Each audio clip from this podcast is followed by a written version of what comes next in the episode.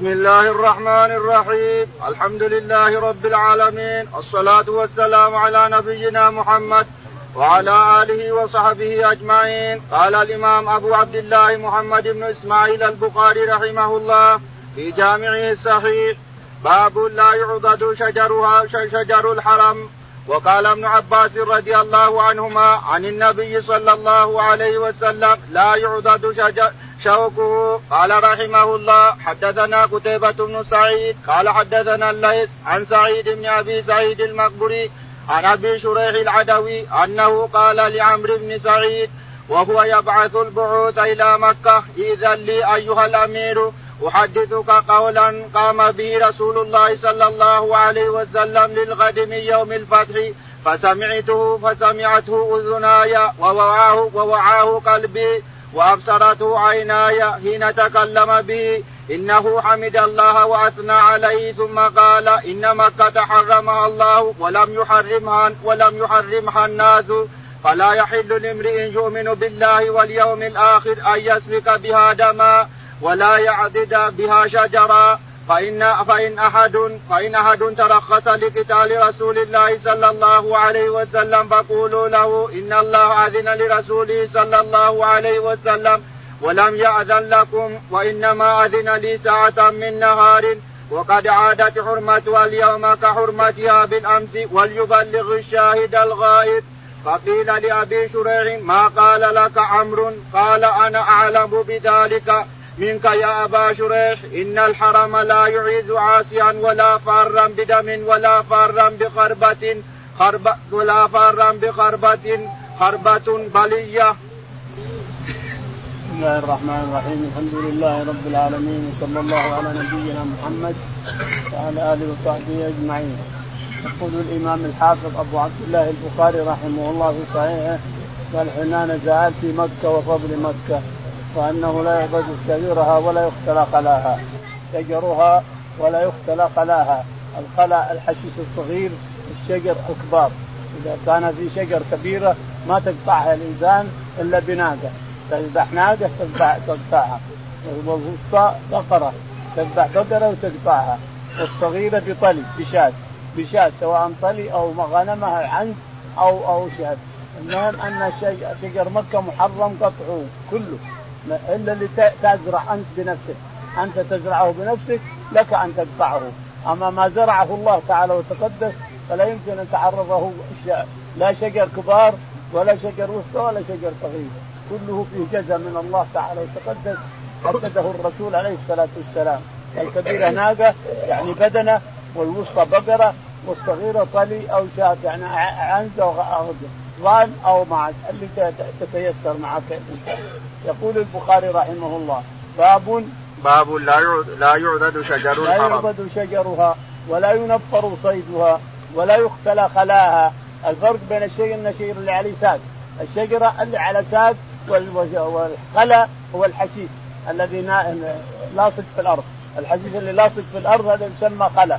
وأما الشجر اللي على ساد يسمى شجرة سواء كبيرة أو صغيرة. يقول رحمه الله نعم. وقال ابن عباس رضي الله عنهما عن النبي صلى الله عليه وسلم لا يعدد شوكه وقال ابن عباس رضي الله عنه لا يعدد شوكه يعني هل هو حرم؟ الحرم أو المكة؟ إن كان قال مكة فالضمير إليه يعود في أنثى. شجر الحرم شجر الحرم قال. ها؟ الباب الترجمة باب لا يعدد شجر الحرم شجر الحرم أو مكة كل واحد. مكة والحرم واحد ولهذا اختلف العلماء. معنى لا يعبد شجره يعني الحرم. أو معنى ما لا يعبد شجرها مكة. ما معنى هذا؟ عند الإمام أبي حنيفة رحمه الله والإمام أحمد أن ما دخلت به من الصيود برا من برا إلى الحرم فإنه في الحرم لا يجوز أن تتعدى لأن لأن عندهم شجرها يعني شجر فيها شجر في الحرم. عندهم شجرها لا يعبد شجرها شجر فيها. أما مالك والشافعي رحمهم الله فيقولون ما أدخل إليه فهو ليس منه. لكن برا من برا فلا فيجوز أكله وصيده وذبحه.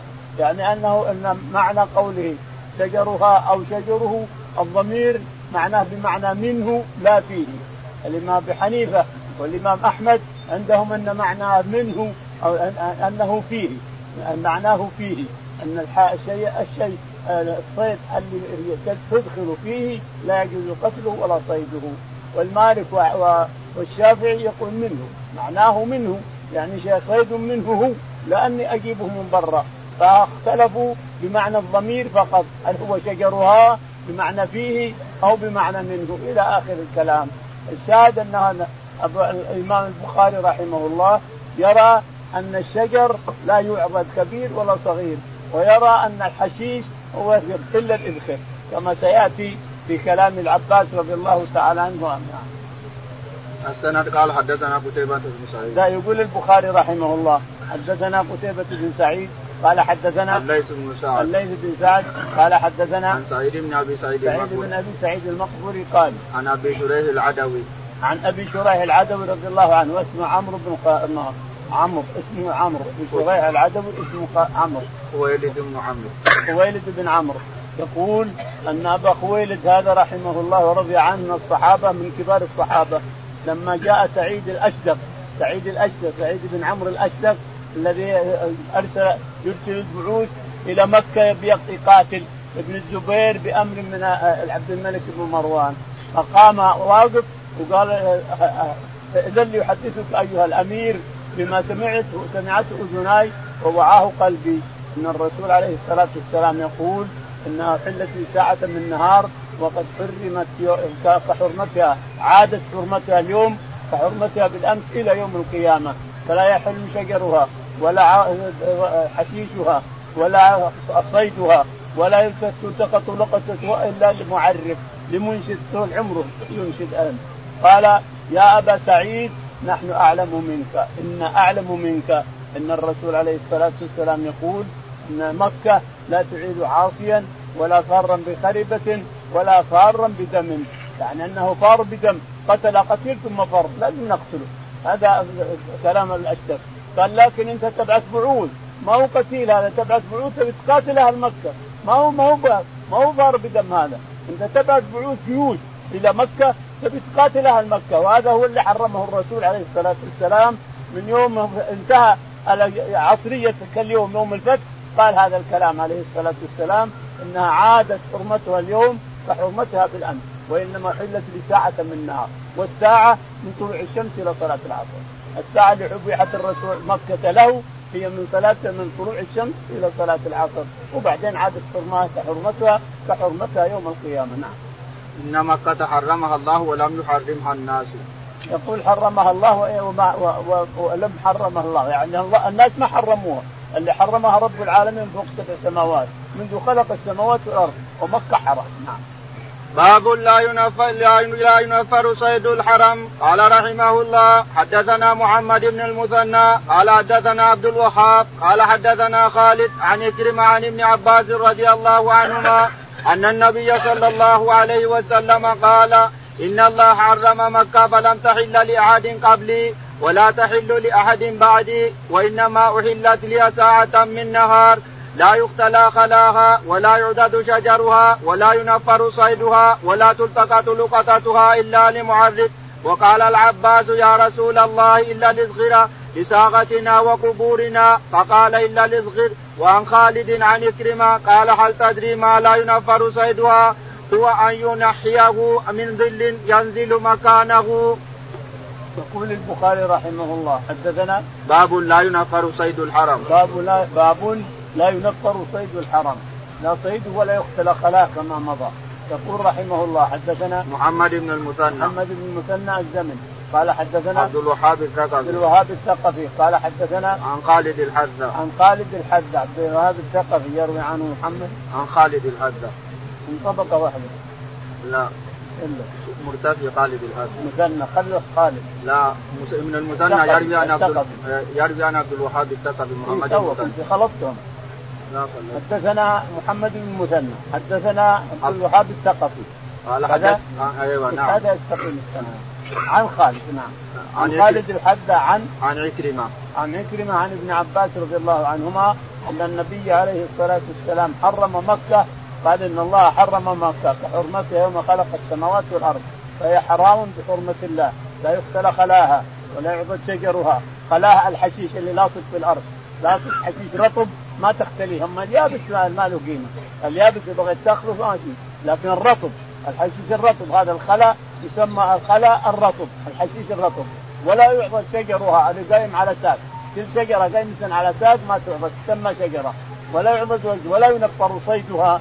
فتفسير أنه تنفيه من الظل الشمس هذا جزء من تنفير التنفير عام. تنفير كونك تشوفه الانسان وتفتش عليه ولا تشوفه تقول هذا كله تنفير يسمى. ما يسمى. إنما هذا جزء من التنفير.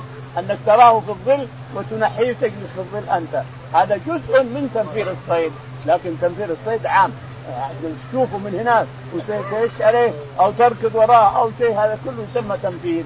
لا ينفر صيدها ولا يعبد شجرها ولا تلتقط لقطتها إلا لمعرف. والمعرف هذا الله يعينه. هو ورثته إلى يوم القيامة. لازم يعرف مكة. أحسن الانسان لا يأخذ منها شيء. اطلاقا لا تأخذ شيء الإنسان. مهما رأيت في الأرض طايح لا تاخذ لأنك ملزم بالتعريف أنت وأولادك ورثه عن ورثه لازم تعرفون بلقطه مكة لأنها لا تملك.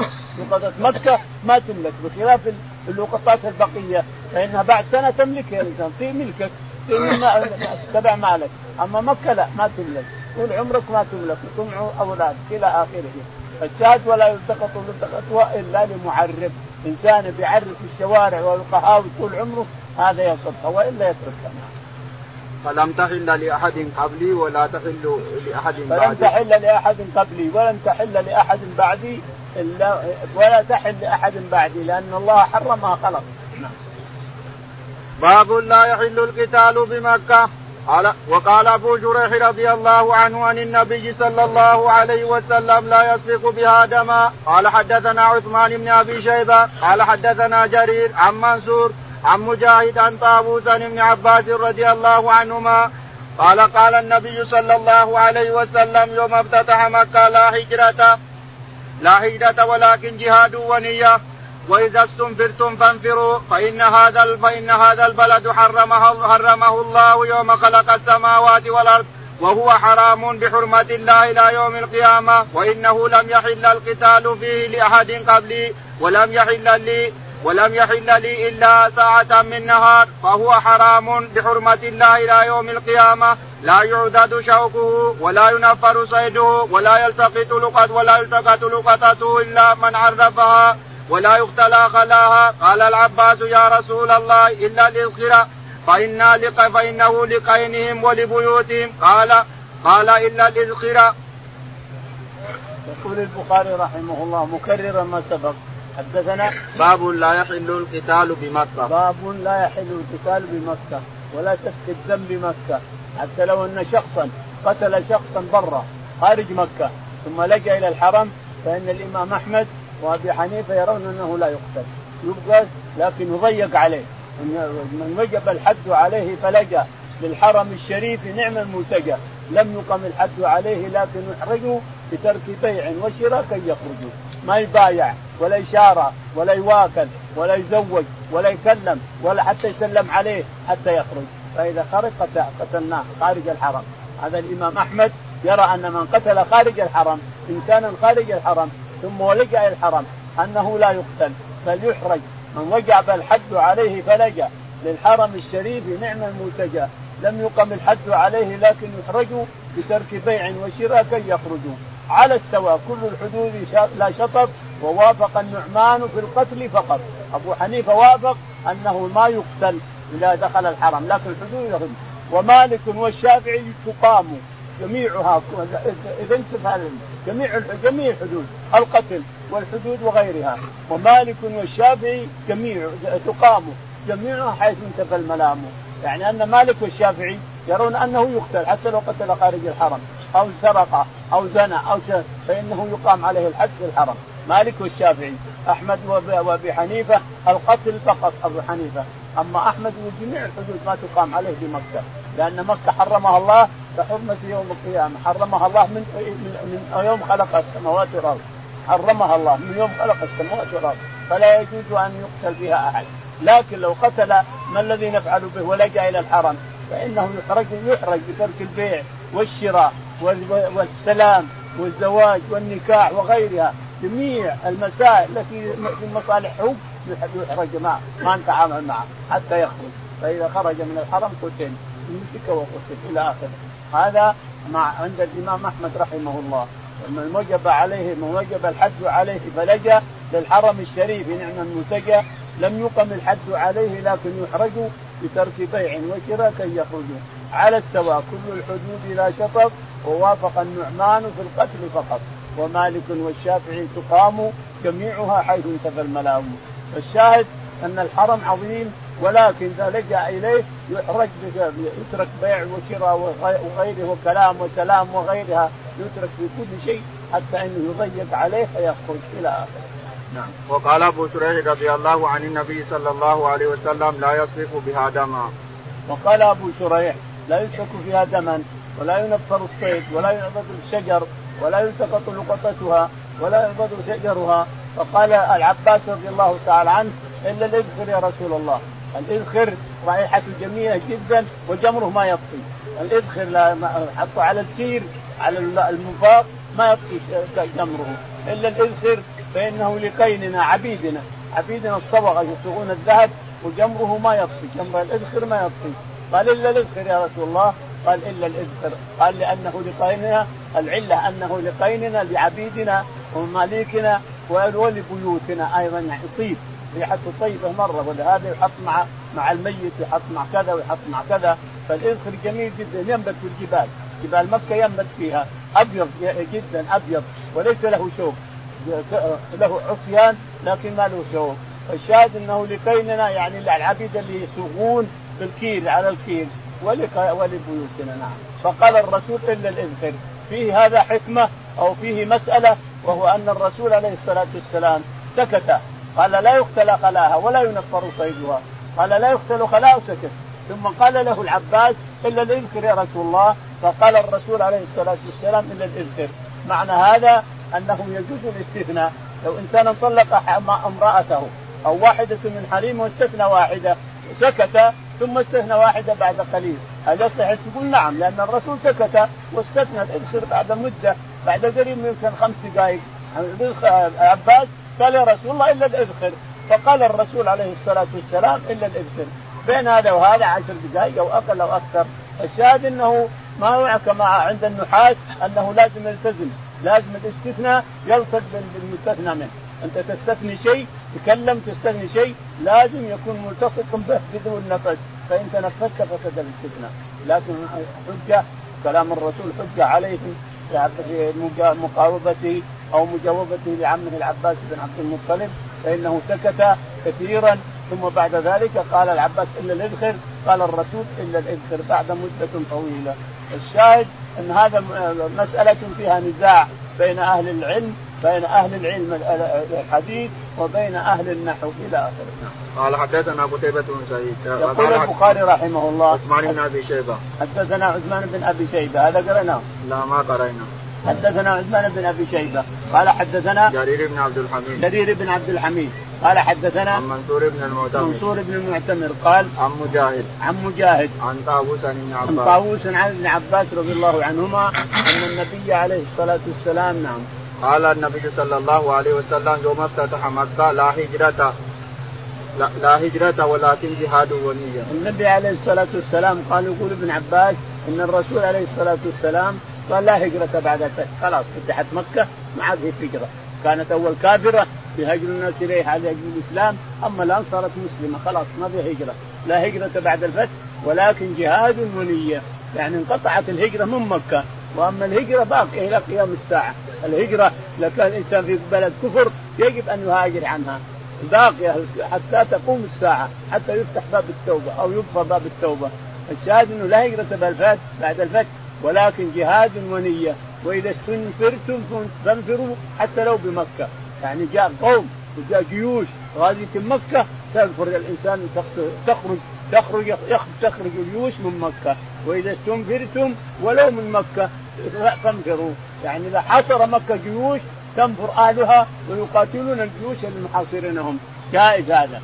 لأن النبي صلى الله عليه وسلم قال حرام هي القتال فيها لكن إذا بني الناس. إذا جاء جيوش يقاتلون وحصروا البلد فإنهم يخرجون يقاتلونهم كما حصل مع ابن الزبير وغيره باب باب الحجامة للمحرم وقوى ابن عمر ابنه وهو محرم ويتداوى ما لم يكن فيه طيب. قال رحمه الله حدثنا علي بن عبد الله قال حدثنا سفيان قال قال عمرو أول شيء سمعت عطاء يقول سمعت ابن عباس رضي الله عنهما يقول احتجم رسول الله صلى الله عليه وسلم وهو محرم ثم سمعته يقول حدثني طاووس عن ابن عباس فقلت لعله سمعه منهما. يقول البخاري رحمه الله باب الحجامة للمحرم. قال حدثنا وكوى ابن عمر ابنه وهو محرم عمر عبد الله بن عمر كوى ابنه وهو محرم. ما في ما ما, ما في باس الكي ما في بأس أما الحجامه فلا. الكي كونك تكويه ولا تعالج الإنسان باي دواء ترى إذا مرض المحرم نعالجه نداويه نعطيه نوريه المستشفيات ويعالجونه بأي شيء يريدون باي شيء يشفيه بأي شيء يشفيه إلا الحجامة. الحجامة ممنوع وما ورد هنا سيأتي كلام عليها. يقول رحمه الله. ويتداوى ما لم يكن فيه طيب. ويتداوى ما لم يكن في الدواء طيب. المحرم لا يتداوى في طيب يتداوى بكل شيء إلا أشياء فيها طيب لا يتداوى فيها. يقول رحمه الله حدثنا علي بن عبد الله. علي بن عبد الله المديني. قال حدثنا سفيان بن عيينة. سفيان بن عيينة. قال حدثنا قال قال عمرو. قال قال عمرو بن دينار عن عطاء بن أبي رباح عن ابن عباس رضي الله تعالى عنهما. ابن عباس يوم الساعة السبع سنة سبع من الهجرة حينما تزوج الرسول ميمونة له سبع سنوات أو أقل من السبع. له سبع سنوات أو أقل من السبع. فما يأتينا من الأحاديث عنه في هذا الباب فهو وهم كله وهم. وهم من البخاري أو وهم من ابن عباس ومن نقل عن ابن عباس. يقول احتجم رسول الله صلى الله عليه وسلم وهو محرم. يقول احتجم الرسول عليه الصلاة والسلام وهو محرم. كيف يحتجم؟ يحتجم لازم يحلق شعره يحلق الشعر اللي ورا لازم. لازم ينزل الشعر اللي ورا وينزله. وهذا ما ورد اطلاقا. ما حد قال من الصحابة أن الرسول حلق شعره الوراني واحتجم إلا ابن عباس. وابن عباس له سبع سنوات ذلك اليوم. فمعناه أنه قد يهم. لأنه سبع سنوات فجر قد يهم. أو أن النقله اللي نقل عن البخاري وهم. أو أنها معدودة من ممن لام البخاري. من العلماء اللي لاموا البخاري. ستة. ستة مواضع لاموه فيها وهو أنها غلط خطأ. وإن كان اسانيدها مثل الشمس قوية. اسانيد الأحاديث قوية مثل الشمس لكنها وهم هذا لأن البشر بشر خلاص. البشر اسمه بشر خلاص. ولو كانوا أقوياء ولو كان عطاء بن أبي رباح وعمرو بن دينار وابن عباس وغيرهم. لكن وهم الرسول ما ما حلق رأسه حتى يحتجم. ولا احتجم وهو محرم اطلاقا. ولا احتجر وهو صائم اطلاقا. ولا تزوج وهو محرم اطلاقا. كل هذا كلام من ابن عباس جابه البخاري رحمه الله ومن عده الناس خطا على خطا على البخاري. يقول إنه احتجم وهو محرم والحجامة تحتاج إلى حلق الشعر. وحلق الشعر ما حصل من الرسول عليه الصلاة والسلام ولا ورد عنه أحد. قال رحمه الله حدثنا خالد بن مخلد قال حدثنا سليمان بن بلال عن علقمة بن أبي علقمة عن عبد الرحمن الأعرج عن ابن بحينا رضي الله عنه قال احتجم النبي صلى الله عليه وسلم وهو محرم بلحي جمل في وسط رأسه. يقول البخاري رحمه الله مؤكدا حديث ابن عباس حدثنا خالد بن مخلد. خالد بن مخلد. قال حدثنا سليمان بن بلال. سليمان بن بلال. قال حدثنا عن علقمة بن أبي علقمة. علقمة بن أبي علقمة. قال عن عبد الرحمن الأعرج. عن عبد الرحمن الأعرج. قال عن عن ابن بحينة. عن عبد الله بن بحينة أنه قال إن النبي عليه الصلاة والسلام احتجم وهو محرم بلحي جمل. بلحي جمل موضع. لحي جمل ماء. اسمه لحي جمل. احتجم فيه في هذا المكان. احتجم الرسول بلحي جمل. وهذا لم ينقله أحد من الصحابة اطلاقا لا بلحي جمل ولا غيره نعم. باب تزويج باب تزويج المحرم قال رحمه الله حدثنا أبو المغيرة عبد القدوس بن الحجاج قال حدثنا الأوزاعي قال حدثني عطاء عطاء بن أبي رباح عن ابن عباس رضي الله عنهما أن النبي صلى الله عليه وسلم تزوج ميمونة وهو محرم. يقول البخاري رحمه الله حدثنا باب تزوج المحرم التزوج من المحرم يتزوج يعني يتزوج سواء عقد نكاح أو نكاح نفسه أو مجامعة مع المرأة. يقول حدثنا عبد عبد القدوس. عبد القدوس ابن الحجاج. ابن الحجاج. قال حدثنا الأوزاعي. الأوزاعي. قال حدثنا عطاء بن أبي رباح. عطاء بن أبي رباح. قال عن ابن عباس رضي الله عنه. عن ابن عباس رضي الله عنهما أن النبي عليه الصلاة والسلام تزوج ميمونة وهو محرم. انظر من الذي أوهمه؟ قال إنه واهم بن عباس السفير. أبو رافع مولى الرسول عليه الصلاة والسلام. يقول أنا السفير بينهما. أنا اللي خطبت ميمونة وأنا اللي زوجت الرسول لها. من كيف جانا دخل علينا ابن عباس؟ ويقول هو محرم. والله لا محرم ولا شيء. ما دخل بميمونة إلا بسرف. وسرف حلال. سرف حلال. لكن ابن عباس ما يدري وين هو سرفك الساعة. لأنه بدر بسبع سنوات. ما يدري وين الجبل ولا يدري وين سرف ولا يدري فسنة سبع من الهجرة. القريش لما صدوا الرسول عليه الصلاة والسلام سنة ست من الهجرة في 16 القعدة قالوا له تعال في 16 القعدة بالسيوف في قرابها وتجلس ثلاثة أيام تطوف وتسعى آمن ثم ترجع. فاتفقوا على هذا هو سهيل بن عمرو جاء عليه الصلاة والسلام سنة سبع من الهجرة وتزوج وخطب ميمونة ميمونة بنت الحارث الهلالية عند أختها لبابة بنت الحارث الهلالية الكبرى.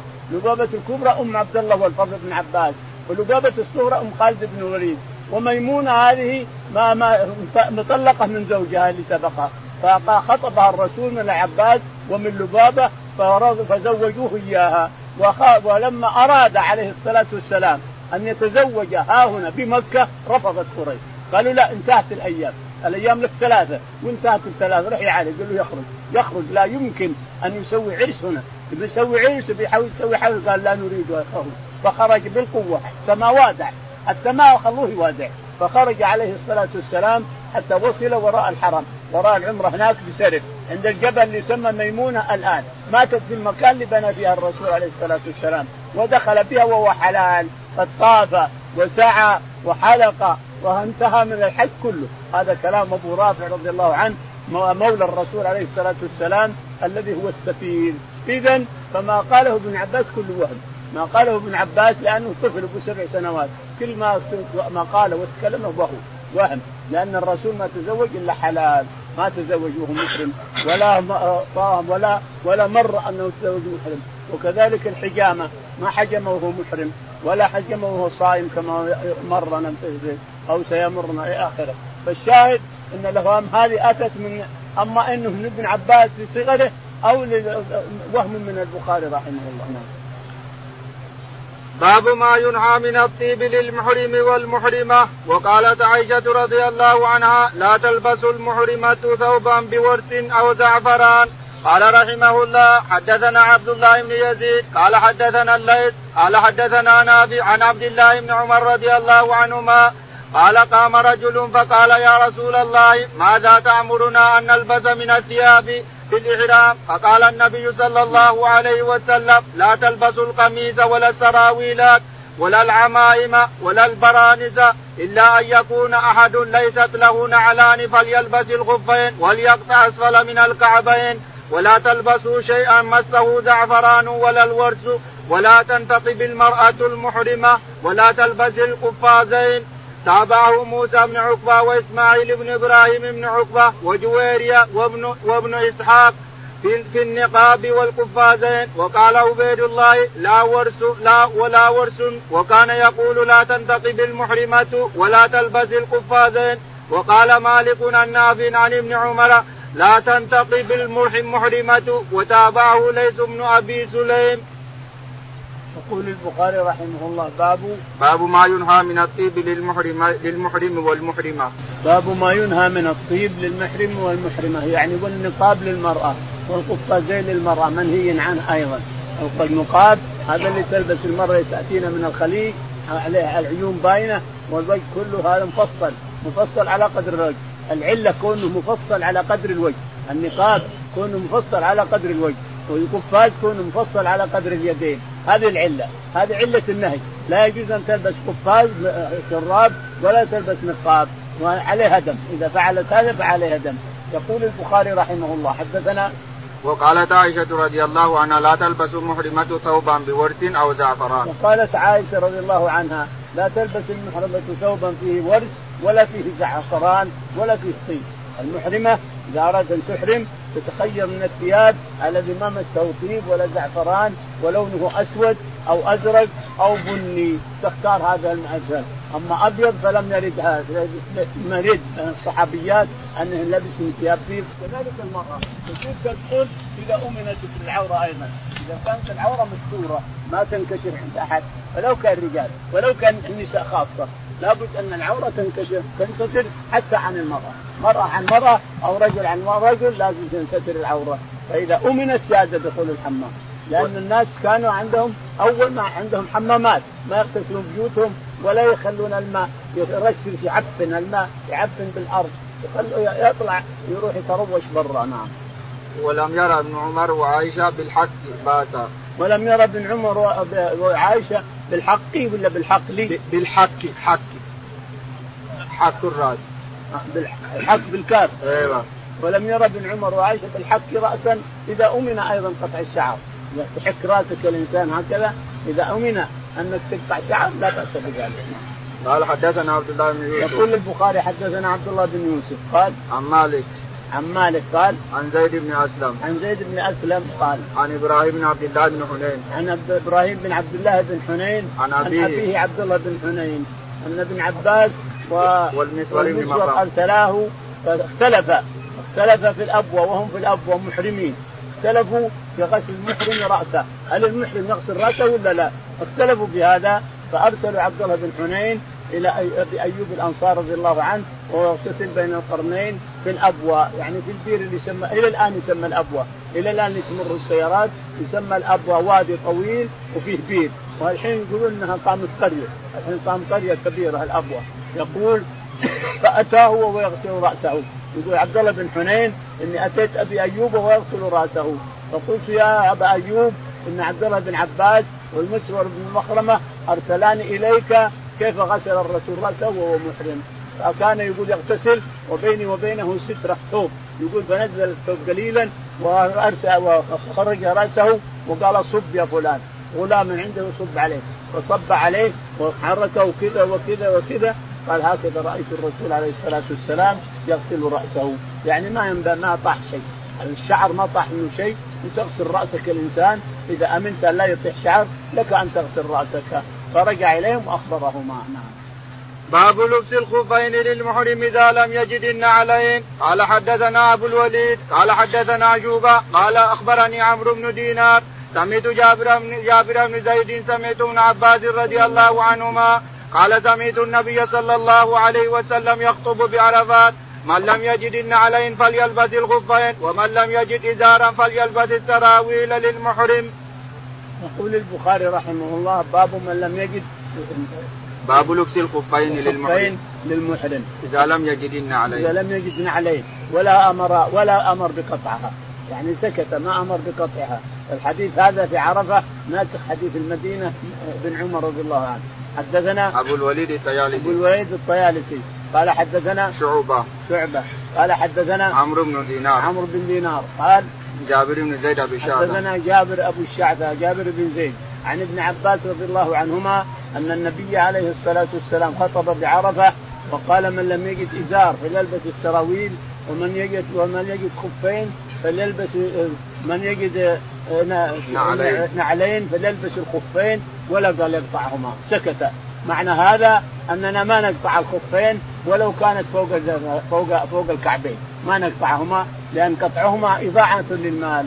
فالحديث الأخير في عرفة نسخ حديث ابن عمر في المدينة.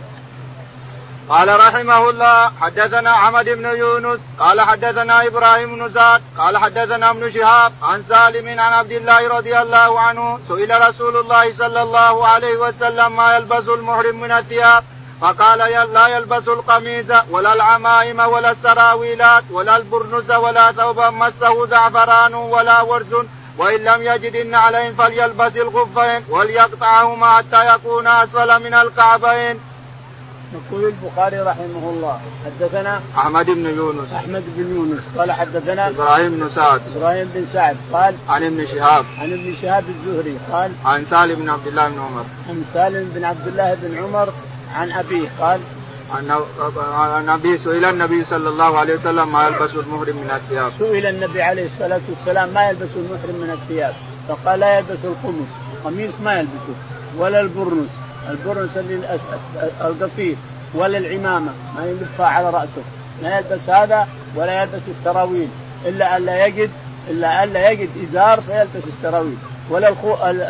النعال إلا أن لا يجد مدوس. النعال ما وجدها فليلبس الخفين ولا قال يقطعهما. سكت عليه الصلاة والسلام. فليلبس الخفين. من لم يجد يجد نعال فليلبس الخفين. من لم يجد إزار فليلبس السراويل. هذا رخصة من الرسول عليه من الله تعالى ثم من رسوله أمر به الرسول عليه الصلاة والسلام. إذا ما كل الناس يجد يجد أطواق ما يكون وجدت فوطة احطها على ظهري لكن ما أحط على ثابت يقول البس سروالك ما يخالف إذا ما وجدت إزار البس سروالك واجعل على ظهرك. لأنك لو تحط على ظهرك الإزار هذا الردى تحطه تحت الإزار صليت الإنسان كتوفك مكتوبة ما صحت صلاتك. دول ما كتوفك آه، مكشوفه ما تصح صلاتك. اذا فكون التزم صلاتي واحط ردى والبس سروالي بالرخصة اللي رخص الرسول عليه الصلاة والسلام أحسن. والكندرة ألبس الجزمة ولو كانت إلى نصف الساق. ما تضرك الإنسان. لأن الرسول عليه الصلاة والسلام نسخ القطع. قال تقطع ما تقطع. الآن خلاص نسخ القطع فالحكم للأخير للحديث الأخير. نعم. هنا موجود الحديث القاطع في حديث عبد الله بن عمر كله. فيه مر مضى مضى حديث القاطع في المدينة مضى مرنا تو باب إذا لم يجد الإزار فليلبس السراويل. قال رحمه الله حدثنا آدم قال حدثنا شوبة قال حدثنا عمرو بن دينار عن جابر بن زيد عن ابن عباس رضي الله عنهما قال خطبنا النبي صلى الله عليه وسلم بعرفات فقال من لم يجد الإزار فليلبس السراويل ومن لم يجد النعلين فليلبس الخفين. يقول البخاري رحمه الله باب باب باب إذا لم يجد الإزار فليلبس يجد الإزار فليلبس السراويل. ولم يجد النعلين فليلبس الخفين. إلى آخره. يقول رحمه الله حدثنا آدم. آدم. قال حدثنا شعبة. شعبة. قال حدثنا عمرو بن دينار. عمرو بن دينار. عن عن جابر بن زيد. عن جابر بن زيد أبو الشعثاء قال عن ابن عباس رضي الله عنه. عن ابن عباس رضي الله عنهما أن النبي عليه الصلاة والسلام قال لما سئل قال ما يلبس المحرم؟ قال خطبنا النبي صلى الله عليه وسلم بعرفات. يقول خطبنا النبي عليه الصلاة والسلام بعرفة. يقول ابن عباس خطبنا النبي عليه الصلاة والسلام بعرفات. فقال من لم يجد الإزار فليلبس السراويل. لما قال لا يلبس ثوب ولا قميص ولا برنس ولا شيء ثم قال من لم يجد إزار ما وجدت إزار البس السروال، ما عندك إزار تلبس السروال، ومن لم يجد نعلين فليلبس الخفين ولا قال ارفعهما فليلبس الخفين وسكت، هذا بعرفات. السؤال هنا كيف نحن نقبل كلام ابن عباس الآن ونحن رفضناه في السابق؟ ثلاثة أحاديث أو أربعة رفضناها وهي في البخاري. والآن نقبله ونجعله حجة. يقول كبر ابن عباس في حجة الوداع له 11 سنة. والساعة له سبع سنوات. فرق بين هذا وهذا. فالشاهد أن حديث ابن عباس في البخاري نسخ حديث ابن عمر في المدينة. باب باب لبس السلاح للمحرم. اللهم اهدنا فيمن هديت. وعافنا فيمن عافيت. وتولنا فيمن توليت. اللهم توفنا مسلمين. والحقنا بالصالحين رب العالمين.